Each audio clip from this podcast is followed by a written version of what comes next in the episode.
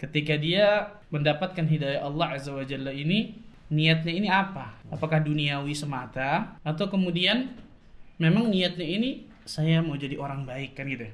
Bismillah, Drabanian Stars.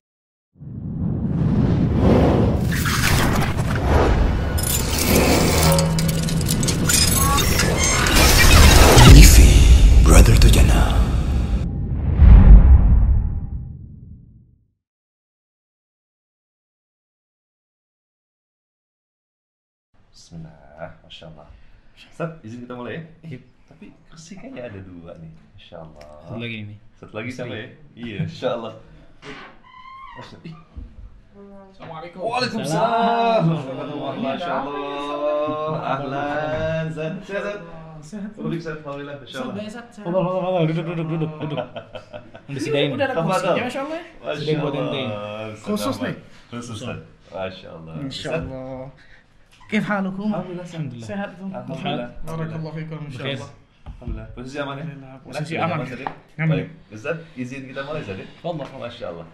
Bismillah. Assalamualaikum warahmatullahi wabarakatuh. Alhamdulillah wassalatu wassalamu ala Rasulillah wa ala alihi wa sahbihi ajmain amma ba'd.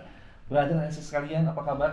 Senang sekali bisa berjumpa di program spesial kita nih. Masya Allah Kita kehadiran dua guru kita Al-Ustaz Muhammad Syariah Hafidhullah Ta'ala Dan juga Al-Ustaz Ahmad Bazher Hafidhullah Ta'ala. Dan kita akan kembali menjalankan program kita Drabanin Stock Sebuah video podcast dakwah dengan konten yang ringan dan manfaat insya Allah Ta'ala bersama guru-guru kita.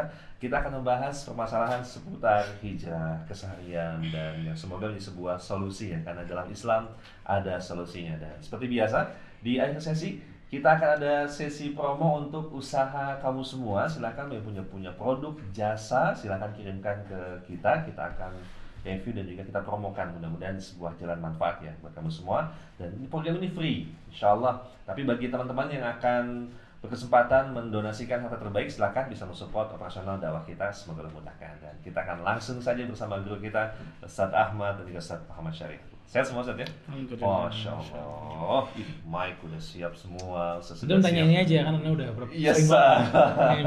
Semuanya, semuanya. Semuanya. Sat, kita akan membahas ini, Sat. Fenomena seputar teman-teman yang belajar hijrah dari Islam. Ada fenomena ketika teman-teman fokus belajar, entah kendalanya apa, qadar Allah masyafa'al, akhirnya kembali kepada kebiasaan lama. Bahkan nauzubillah kembali ke kebiasaan lama yang buruknya, Sat. Balik, Balik, betul. balik lagi, Sat. Ada yang mungkin mundurnya dikit, tapi ada yang Allah musta'an baliknya tuh baliknya balik banget gitu Sat ya. Jauh Beloknya jauh banget gitu. Nah, ini kan sebuah apa ya sebuah eh, ironi dan juga kekhawatiran buat kita kita sangat sangat sekali menyayangi mereka tapi mungkin jadi sebuah ibroh buat teman-teman ini kira-kira apa yang bisa menyebabkan seperti ini dan bagaimana tips dari Ustaz mungkin silakan Ustaz Ahmad dulu Fadl silakan Insya Allah Barakallah, Ustaz. Alhamdulillah, Alhamdulillah, hamdan kathiran tayyiban mubarakan fi. Sebenarnya penyebabnya ada banyak ya, tapi yang paling inti bisa dikatakan mungkin dia gagal istiqomah dalam masalah tersebut. hmm, gagal istiqomah Kita tahu bersama keistiqomahan itu kan sesuatu yang berat. Berat. Bahkan para ulama sampai mengatakan al istiqamatu khairu min alfi karamah. Istiqomah itu lebih baik daripada seribu karomah. Hmm. Seribu karomah yang Allah kasih kepada para wali-wali Allah yang saleh. Tapi ketika Allah berikan keistiqomahan kepada seseorang itu itu nggak nggak sembarang. Itu ternyata kata para ulama lebih baik daripada seribu karomah. Bayangkan saking berat masalah istiqamah. Hmm. Dan sebagaimana kita tahu bersama di antara doa Nabi Shallallahu Alaihi Wasallam yang paling sering beliau panjatkan di antaranya adalah ya muqallibal qulub thabit qalbi ala dinik. Wahai yang bolak balikan hati ya Allah, tetapkan hatiku di atas agamamu. Kan gitu. Yang antum katakan tadi betul. Banyak kita lihat orang-orang yang dari awal Allah Azza wa Jalla berikan hidayah kepada beliau. Alhamdulillah nikmat itu besar. Tapi kemudian ada yang putar balik atau belok, gitu ya. Iya, Ustaz. Ada yang belok ke mana kan gitu ya. Ah. Ada yang lebih parah lagi putar balik. Kalau putar balik kan lebih parah lagi tuh subhanallah. ya Allah. Maka para ulama sebenarnya memberikan beberapa sebab kenapa kok orang-orang itu bisa seperti itu. Yang pertama dan yang paling pertama kata para ulama bisa jadi karena niatnya, keikhlasannya. Ketika dia mendapatkan hidayah Allah Azza wa Jalla ini atau ketika dia hijrah, niatnya ini apa? Apakah duniawi semata atau kemudian memang niatnya ini saya mau jadi orang baik kan gitu ya? Saya mau jadi orang bertakwa, saya mau jadi orang saleh, nggak boleh saya kema kayak kemarin tuh. Iya. Karena berapa banyak kita lihat orang-orang ketika mau hijrah, kenapa yang hijrah? Banyak orang yang hijrah kayak kaya. Tenden Ah, oke. tendensinya berarti Sejak duniawi betul ya, kan gitu ya. Oke. Pokoknya dicekok ini kalau hijrah ente kaya. Kalau kalau hijrah ente pokoknya masalah finansial ini pasti dijamin loh. Hmm. Udah banyak ternyata para sahabat atau para ulama tuh ketika dulunya hijrah, sahabat contoh kan. Ketika dulunya hijrah Musa bin Umar kalau nggak salah. Ketika dulunya kaya raya luar biasa ketika hijrah nggak Allah balikin lagi dunianya kan gitu. Tapi bukan berarti mereka kembali putar balik atau belok kan gitu. Enggak. Kenapa? Karena niat mereka ikhlas. Niat mereka memang mencari wajah Allah Azza wa Jalla. Niat mereka memang lurus untuk mencari surga Allah Azza wa Jalla. Dan ini pada hakikatnya ikhwan, pelajaran kepada kita semua ini. Kenapa? Jangan pernah merasa aman. Aduh. Aman. Berapa banyak kita lihat ketika kita sudah mendapatkan hidayah Islam, mengenal sunnah Nabi Sallallahu Alaihi Wasallam, seakan-akan surga sudah di tangan kita tuh. Kalau kita lihat baga- bagaimana para ulama terdahulu dalam me, apa, mentarbiah niatnya luar biasa. Sufyan ats-Tsauri sampai mengatakan, "Ma'alajtu syai'an ashadda ashadda alayya min niyati." Tidaklah aku mengobati sesuatu yang paling sulit bagi diriku kecuali niatku. Li'annahu tataqallabu alayhi. Karena niatku selalu berbolak-balik tuh. Kadang ikhlas, kadang tidak. Kadang istiqomah, kadang enggak. Kadang on, kadang off. Kan gitu ya. Iya, benar. Maka sebab yang pertama dan yang paling utama kata para ulama bisa jadi karena niatnya. Niatnya kenapa nih? Kan Bisa jadi bukan karena Allah Azza wa Jalla. Kemudian sebab yang kedua yang tidak kalah luar biasa pentingnya adalah salah dalam lingkungan teman, sahabat, guru. Wah, ini bahaya nih, kawan. Al-mar'u ala dini khalilihi falyanzur ahadukum man yukhalil. Rasul sallallahu alaihi wasallam mengatakan seseorang itu tergantung agama teman karibnya. Maka lihatlah siapa yang kalian jadikan teman karib itu. Siapa yang kalian jadikan sahabat dekat kalian itu. Allahu Akbar. Berapa banyak orang-orang ketika Allah berikan hidayah kepada dirinya, kemudian dia bagus tuh Masya Allah. Tapi dia dia nggak mau ninggalin teman-teman buruknya misalnya. Enggak saya mau narik juga Pak Ustaz. Antum narik gimana? Ilmu nggak ada, iman belum kuat, Ya. hidayah baru sedikit Allah berikan kan gitu ya. Mau narik nyemplung lagi akhirnya. Salah, salah. Kalau kita nggak kuat narik kita nyemplung kan gitu subhanallah. Nanti dulu tinggalin dulu teman-teman buruk tersebut nggak bisa subhanallah. Makanya Ibnu Qayyim mengatakan di antara teman itu kan ada empat macam kata Ibnu Qayyim. Ada laksana makanan pokok, ada laksana obat, ada laksana penyakit, ada laksana racun. Ya. Udah banyak teman-teman yang terakhir yang keempat nih laksana racun. Kalau racun yang racun nih jauhin sejauh-jauhnya apa deketin sudah. Hatta kemudian saya mau narik Pak Ustadz, enggak nggak bisa sulit. Nah, antum ada antum kena racunnya bahaya gitu biasa. Nah, gitu. Dan saya lihat banyak orang-orang ketika hijrah itu seperti itu dia nggak mau ninggalin teman teman-teman buruknya, lingkungannya, atau salah dalam masalah guru. Ah, gitu. ini. Banyak subhanallah. Salah, udah bagus kemudian belok kan gitu ya. Hmm. Ternyata kenapa? Karena gurunya mungkin seperti itu, akhirnya ngikut juga subhanallah. Hmm. Makanya ikhwan subhanallah. Di antara hal yang paling luar biasa yang wajib kita selalu minta kepada Allah Azza wa Jalla istiqamah ini nih. Thabat ala dinillah. Istiqamah konsisten di atas jalan Allah tabaraka wa taala karena hal ini bukan hal yang sepele. Hal yang besar luar biasa. Kemudian di antara sebab juga kata para ulama adalah ketika orang tersebut tidak menguatkan pondasinya dari awal. Nah, ketika dia hijrah, harusnya yang paling pertama dia kuatkan pondasi itu adalah masalah tauhid. Hmm. Masalah akidah yang benar itu kan harusnya dia kuatkan pondasi itu tuh. Hmm. Kayak orang bangun rumah deh Kang Alvin, betul ya? Iya, betul. Yang paling lama apa kira-kira? Ya, pondasi. Pondasi, Bang. Kan gitu. Iya, iya. Kalau gedung bertingkat yang paling lama apa? Pondasi kan gitu. Betul. Orang ini dia mungkin bersemangat tentang masalah ilmu yang lain tapi lupa tentang masalah tauhid, lupa belajar tentang masalah akidah yang benar. Nabi Shallallahu Alaihi Wasallam 13 tahun kurang lebih di Mekah mendidik para sahabat bayangkan 13 tahun loh. Di Mekah belum turun syariat puasa, zakat, haji, ha- syariat salat pun di ujung-ujung. Dua tahun disebutkan dua tahun sebelum Nabi SAW hijrah ke Madinah. Berarti ngajarinya tentang la ilaha illallah tuh ngajarin tentang masalah tauhid. 13 tahun jadinya sahabat. Kita belajar satu tahun tauhid seakan-akan sudah tauhid zen gitu, masya Allah. Masya Allah. Satu kali hatamin kitab tauhid seakan-akan jadi ulama besar tuh, masya Allah. Sotoy ya. Sotoy. Sotoy. Perhatikan ini. Allah. Azza wa Jalla sampai mengirimkan seluruh nabi dan rasul diutus 124 ribu nabi 313 atau 315 rasul semuanya inti dakwahnya ani abudullah wajtanibut taghut Hendaklah Rasul tersebut menyeru kepada umatnya, sembahlah Allah, jauhi taghut, jauhi sembahan selain Allah kan gitu. Seluruh nabi dan rasul, kalau itu bukan sesuatu yang penting, nggak mungkin Allah Jalla menekankan seluruh nabi dan rasul. Syariatnya sama tentang masalah itu. Apa akidahnya sama, syariatnya berbeda-beda kan gitu. Nah, orang-orang yang ketika berhijrah ini kalau anda lihat, mereka tersibukkan dengan hal-hal yang penting sebenarnya dalam agama kan nggak ada nggak ada nggak ada Iya, yang penting semua kan gitu. penting. Tapi dia terlupakan dari hal yang lebih penting atau sangat Nah. penting. Masalah tauhid, masalah akidahnya dan lain sebagainya. Hmm.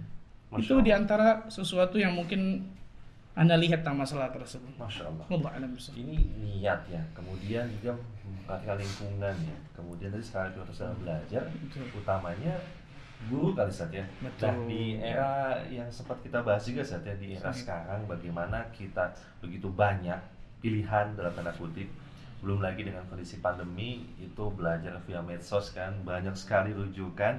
Nah buat teman-teman yang kode Allah apa ya sudah kode Allah ya hijrah tapi mungkin mendapatkan rujukan yang salah itu Ustaz. Lalu bagaimana caranya Ustaz kita mendapatkan jika kalau misalnya mendapatkan rekomendasi Ustaz nih belajar kepada siapa nah ngeceknya itu gimana saja kan kita tuh baru belajar gitu Ustaz kita apa seperti apa mungkin Ustaz Muhammad bisa sampaikan Mana juga. ya, Iya Allah, dong, iya dong latihan dong, Masya Allah. Ya salah. Karena kan sudah lama tadi. Masya Ana lebih lama dari antum. Sangat lama. Ustaz. Masya Allah Ustaz. Apa tadi pertanyaannya? Kok Ya? Ustaz, memilih guru Ustaz. Tadi kan terkait kita mendapatkan rekom- rekomendasi guru nih atau Hmm. belajar kepada siapa. Nah, cara ngeceknya itu gimana Ustaz? ya? Kita kan masih di Oh, iya. awal nih baru belajar. Heeh. Kalau kita baru memang belum ngerti Mm-mm. gimana ngeceknya pertama ya kita rekomendasi Heeh. ya kayak ya kayak dokter aja sebenarnya. Kita mau ke dokter nggak ngerti nanti mana yang top dokternya mana yang tidak top Ya. gitu kan. Mana yang benar mana yang nggak benar. Tapi kita cara rekomendasinya adalah melihat atau bertanya kepada dokter-dokter yang lain.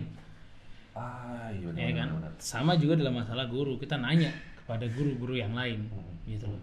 Nih si fulan ini gimana? Boleh nggak kita ambil ilmunya dan seterusnya? Karena rekomendasian masalah ini tuh penting sebenarnya. Penting banget. Makanya kalau kita lihat para salaf itu mereka mengkonsentrasi dalam masalah hal ini itu Hmm. jangan ngambil kecuali memang itu ada pujian dari para ulama untuk orang tersebut. Ya. dalam hadis kan gitu kan. Ambil hadisnya itu tergantung. Kalau misal sebuah hadis ada satu orang yang Bukhari bilang nggak nggak oke dalam hafalannya mereka nggak ikut ambil itu. Oh, rekomendasi. Hmm. seorang Bukhari bilang nggak usah ngambil masa kita ngambil gitu Ya. kan. Akhirnya diambil. Ya gitulah. Semua dari para ulama dari zaman dulu juga kayak gitu keadaannya. Hmm. dan kadang ini juga yang bikin seseorang ke mana-mana Iya, ya betul. belok tadi kali ya Belok. Ah, jadi belok nggak apa putar balik cuma dia belok Iya. Apalagi cabangan jalan banyak nih kan.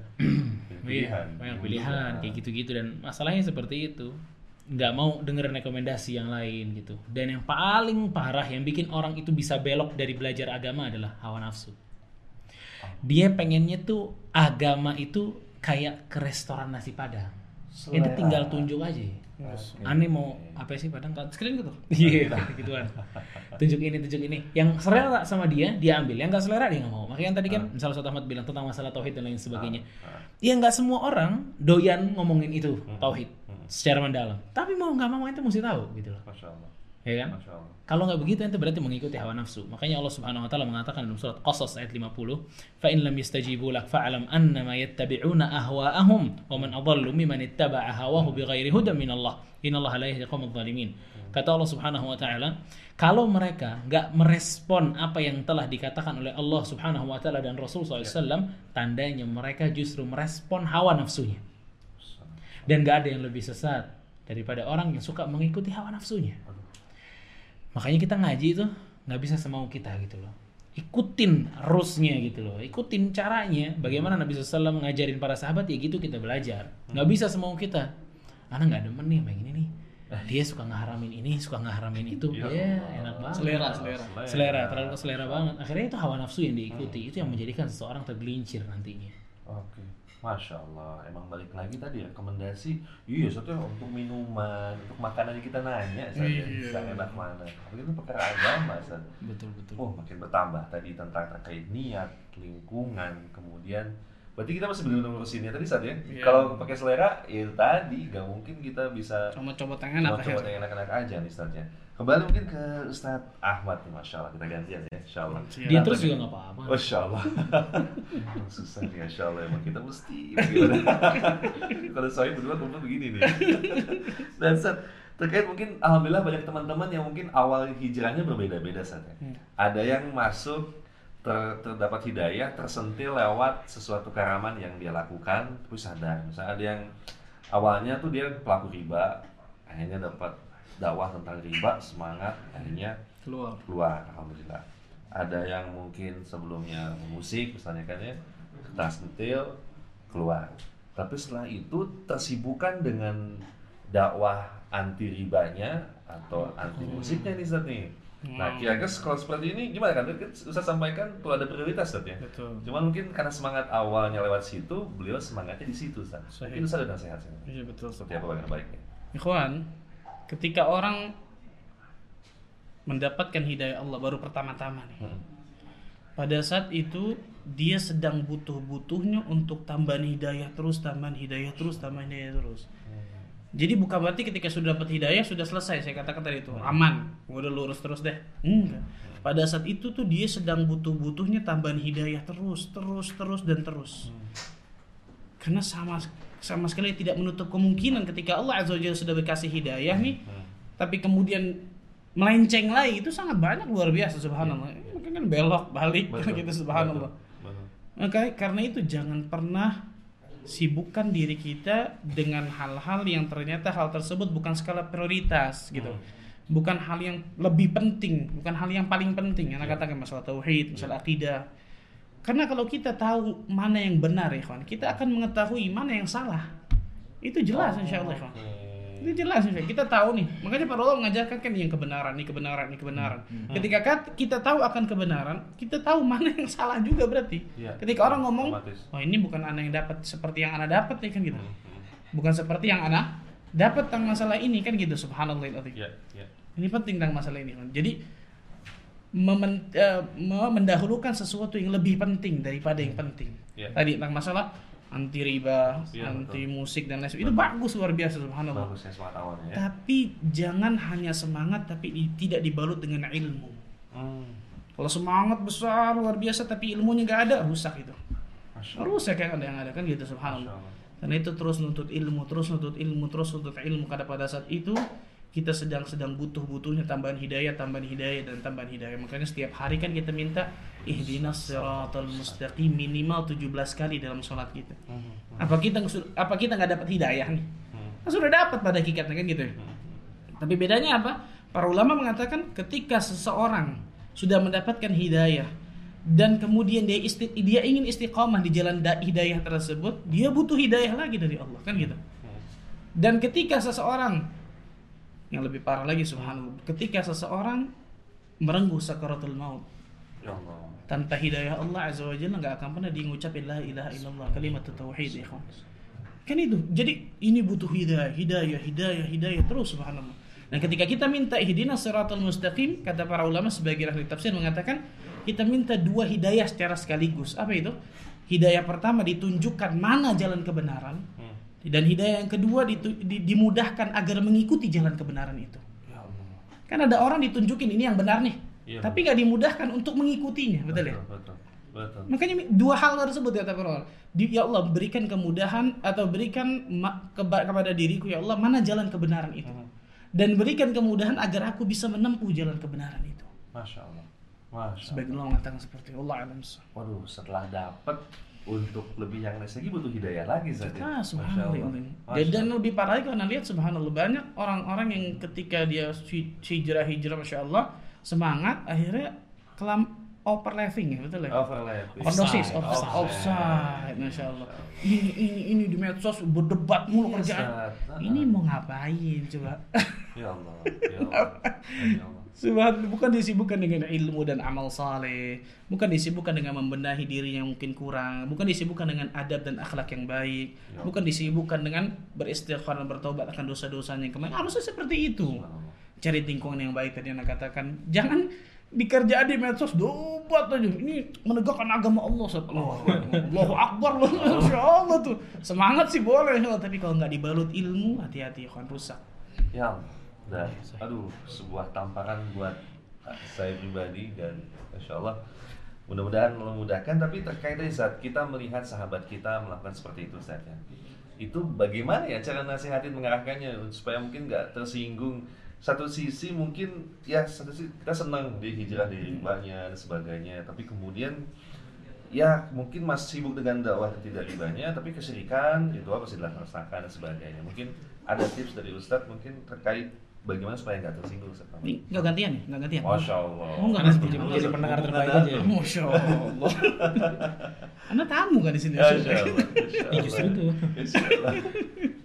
Iya, memang untuk mendakwahi manusia ini ada ilmu tersendiri, kan. Hmm. Ada ilmu tersendiri. Makanya para ulama mengatakan ketika seseorang tidak punya ilmu, tidak punya kelemah lembutan, tidak punya kesabaran, nggak berhak orang itu dakwah. Dia harus punya ilmu dulu, dia punya harus kelemah lembutan, dia punya harus kesabaran kan gitu ya. Ya. Nah, beberapa tips, beberapa cara ketika kita ingin mendakwahi manusia, kata para ulama yang pertama, dakwahi manusia ini dengan pilih kata-kata yang paling baik, Pak. Paling lembut, paling baik sehingga tidak menyakiti orang tersebut. Karena orang ketika kita ajari itu nggak nggak semua orang menerima, kan gitu ya. Berarti kan kita sebagai seakan-akan guru gitu, walaupun Iya. kita tidak mengatakan diri kita guru gitu. Oh. Kita sayang sama saudara kita ini kita nasihati kita kayak berikan dakwah kan ini yang benar loh yang seperti ini. Maka pilih kata-kata yang paling terbaik, paling lembut. Kalau perlu tulis dulu. Yang saya mau katakan ke dia nih apa aja nih? Satu, dua, tiga, empat. Bahasa yang paling lembut apa nih? Tiga, satu. Pilih dulu yang pertama.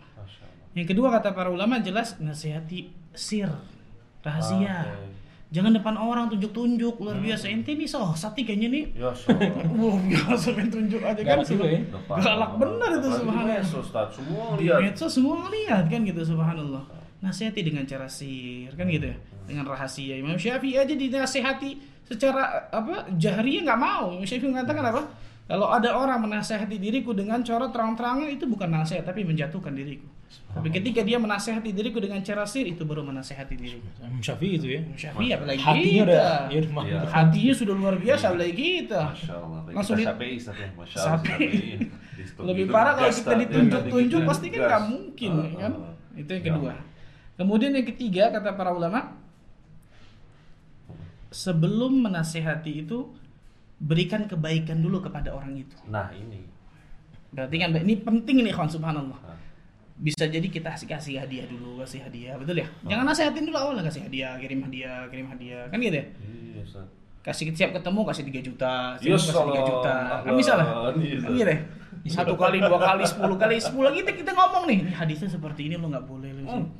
Anak anak ikut ente nih Masya Allah. tiga juta tiga juta terus Ikut apa? Ikut gawe.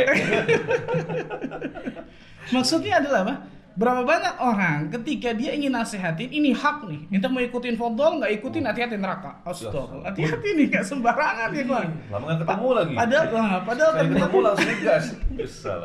Padahal ternyata yang namanya dakwah itu ada tarekahnya tersendiri, ada Masya Allah. caranya sendiri, ada fikih dalam dakwah kan Ah, gitu nggak ah, sembarangan. ah. Di antara berikan kebaikan dulu kepada orang itu, berikan kebaikan. Rasul Shallallahu Alaihi Wasallam lihat ketika perang Hunain dan lain sebagainya, 100 ekor unta, 100 ekor unta, 100 ekor unta. 100 ekor unta berapa tuh? Waduh. Bukan 2 juta, 3 juta, ratusan juta itu kalau zaman sekarang. Masya. Balik orang itu mengatakan kepada umatnya apa? Wahai wahai kaumku masuklah ke agama Muhammad, engkau nggak akan miskin nih. Hmm. Awalnya mungkin karena niatnya tadi kan dunia. Tapi ketika para sahabat mengatakan apa? Ketika kami belajar Islam ini kami tahu ilmu, maka jelas ilmu agama ini lebih kami tinggikan, lebih kami agungkan daripada hanya sekedar duniawi. Kan berarti kan ada caranya di situ, betul ya? Yang tadi tadi berikan kebaikan dulu. Jangan ketika tuh orang ketika ngelihat kita, ya dia lagi kena semprot lagi nih anak nih. Wah ini parah nih kalau gini nih, subhanallah. Kan banyak gitu ya. Nyium Dia panas ya, lagi nih, datang nih. kena semprot lagi nih gue nih, subhanallah. Berikan kebaikan dulu dan lain sebagainya. Di antara akhlak kita baikan, dikasih hadiah dan lain sebagainya tentang masalah itu. Kemudian juga kata para ulama di antara nasihat juga kata para ulama, cari banyak kecocokan dengan orang itu. Hmm. Orang yang hobinya misal sama-sama motor, Ya. ngomong motor, nyambung kan pas itu. Hmm. Ngomong itu dulu pertama, satu, dua, tiga, empat, lama lah satu sentil masuk masalah agama, Iya. dua masuk masalah agama. Semakin banyak hobi yang, yang maksudnya semakin banyak sesuatu yang sama dengan orang itu, semakin ba- semakin mudah kita masuk tuh. Hmm. Hmm. Semakin mudah kita masuk kan gitu. Hobinya apa? Main futsal. Bikin main futsal dulu. Sama orang lain bisa kan anak muda kayak gitu Iya, kan. Ketika lagi main futsal selesainya atau ini berikan satu dua satu dua hadis satu dua ayat subhanallah Masya itu luar biasa berapa yang seperti itu Masya Allah. selanjutnya pula kata para ulama "Ah, ini jarang nih Hmm. bangun di tengah malam khusus doa sama Allah nangis ya Allah berikan hidayah kepada fulan Ya Allah. pernah nggak betul nggak ikhwan? kita sering mengatakan ini kalau Allah kalau Rasul. Betul nggak salah. Tapi pertanyaannya kita pernah nggak doakan saudara kita itu? Di keheningan malam di waktu-waktu istijabah agar Allah berikan hidayah kepada saudara kita atau kepada orang tua kita kepada siapa pun kan kita mengharapkan hidayah kepada seseorang tapi kita nggak berdoa kepada pemilik hidayah itu. Allah azza wa jalla. Gimana itu ikhwan subhanallah doakan di sepertiga malam. Doakan di waktu-waktu istijabah agar Allah azza wa jalla berikan hidayah kepada saudara kita ini. Dan itu yang dilakukan Nabi sallallahu alaihi wasallam kan gitu? Subhanallah Rasulullah SAW mendoakan fulan mendoakan fulan. Atau kemudian sahabat datang kepada Rasulullah ya Rasulullah tolong doakan ibuku agar beliau menerima Islam. Didoakan Nabi sallallahu alaihi wasallam masuk Islam.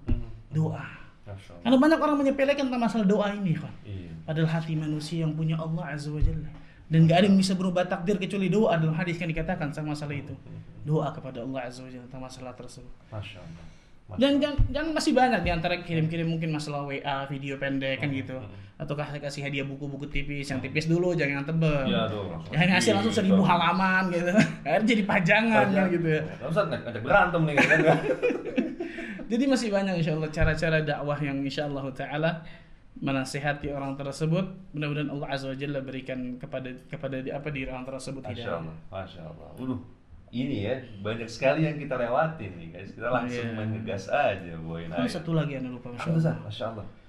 masukkan dalam hati kita ketika kita berdakwah ini bab dakwah ini bab kasih sayang saya mendakwahi anda ini karena saya sayang kepada anda saya ingin anda mendapatkan apa yang saya rasakan kan gitu ya Hmm. Kita telah merasakan hidayah Islam hidayah sunnah kenikmatan luar biasa berarti kan ketika kita mendakwahkan saudara kita ini kita harus hadirkan itu tuh saya Ya. ingin anda dapatkan ini nikmat ini sehingga ketika orang itu nolak, bukan ego yang muncul. Kan biasa ego, hawa nafsu ya. Hmm. Ya terserah deh, surga-surga, neraka-neraka lo deh.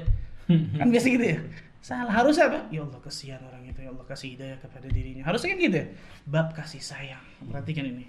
Banyak orang lupa tentang masalah tentang masalah dakwah hanya mungkin menyampaikan masalah dalil, tapi dia lupa tentang masalah kasih sayang, kelemah lembutan, kesabaran dan lain sebagainya. Masya Allah Allah. Allah. luar biasa. Dan start masih kembali dan pamungkas nih ya, Syarah, untuk kembali ke tema kita tadi terkait bagaimana caranya supaya kita nggak apa, bel- belok ataupun balik nih. Muternya jauh banget ya. Masya Allah. Ini bagaimana mengatasinya dan tipsnya apakah perlu menyibukkan dengan satu hal saja atau perlu banyak atau banyak nasihat yang paling mudah atau paling bisa kita lakukan dalam waktu dekat untuk teman-teman kita dan anak pribadi dan kita semua silakan Ustaz Muhammad Fadl. Ana juga. iya dong komunikasi. Pembukaan ya, penutup antum dong. Syuf, eh, sebenarnya ya pertanyaan antum juga udah diborong juga Ustaz Ahmad. Masya Allah, Masya Allah, Masya Allah. Cuma memang penting banget untuk selalu berdoa ya muqallibal qulub tsabit qalbi ala dinik. Ini doa yang Nabi SAW paling sering baca. Kalau Nabi aja sering banget baca, berarti kita lebih butuh untuk sering baca doa ini. Karena benar hati kita di tangan Allah Subhanahu wa taala. Ya muqallibal qulub tsabit qalbi ala dinik. Mungkin itu deh. Masya Allah tadi dan tuntunan prioritas ya. Masya Allah, Masya Allah, Masya Allah. Wah seru banget nih ya, Masya Allah nggak terasa nih kalau guru-guru kita sedang bertengah kita nih banyak saya ingin kita diskusikan tapi ini video podcast sih Masya Allah. Ini abis nih. Abis. Anda pikir 2 jam 3 jam. Oh Masya Allah kita kerja siap guys. Oh, Masya Allah. Kayaknya perlu nambah minumannya nih Ustaz. Oh, Masya Allah. Guys terima kasih banyak ya Ustaz Jazakumullah khair. Teman-teman sekalian terima kasih banyak ya yang udah mensupport kegiatan kita nih Masya Allah. Buat teman-teman yang sudah mensupport produk-produk di Rabanian Talks ini Masya Allah telah ada minuman dari 360 ya Masya Allah. Dan telah hadir nih 316 Ustaz, ada minuman kopi, non kopinya juga ada. Ini Masya produk Allah. Bandung berarti ya? Produk Bandung. Masya Produk Allah. Bandung. produk Dingin-dingin Bandung. juga ini. Iya Ustaz, Insya Allah nanti kita bisa nikmati Dan terima kasih banyak dan semoga Allah mudahkan Dan juga untuk wardrobe baju yang kita pakai ini Alhamdulillah Ustaz Ya teman-teman dari Livi Muslim ya Masya Allah. Livi Muslim syukran ya Jazakumullah khair, terima Mana kasih kok? banyak Mana ininya? Brand Brand Muslim dari 2017 Masya Allah, terima kasih banyak dengan konsep anak muda, casual dan juga jadi sebuah pilihan yang nyaman buat kita pakai dan semoga Allah mudahkan. Infonya bisa dicek di Instagramnya ya. Bisa dicek Instagramnya di Livi Muslim dan semoga Allah mudahkan kita. Demikian teman-teman sekalian atas kaj- kajian kita pada di podcast Geraban Stocks pada kali ini. Semoga Allah mudahkan kita untuk bisa terus belajar, tetap semangat ya. Semoga kita bisa mengamalkan apa yang telah Ustadz sampaikan kepada kita. Dan insya Allah kita akan mengakhiri uh, majlis kita di podcast ini. Terima kasih banyak. Jazakumullah khair dan kita akan tutup wassalamualaikum Muhammadin wa alihi wasallam. Jangan lupa stay tune di YouTube, Instagram dan juga Spotify. Semoga Allah mudahkan. Terima kasih. Assalamualaikum warahmatullahi wabarakatuh. Waalaikumsalam warahmatullahi wabarakatuh.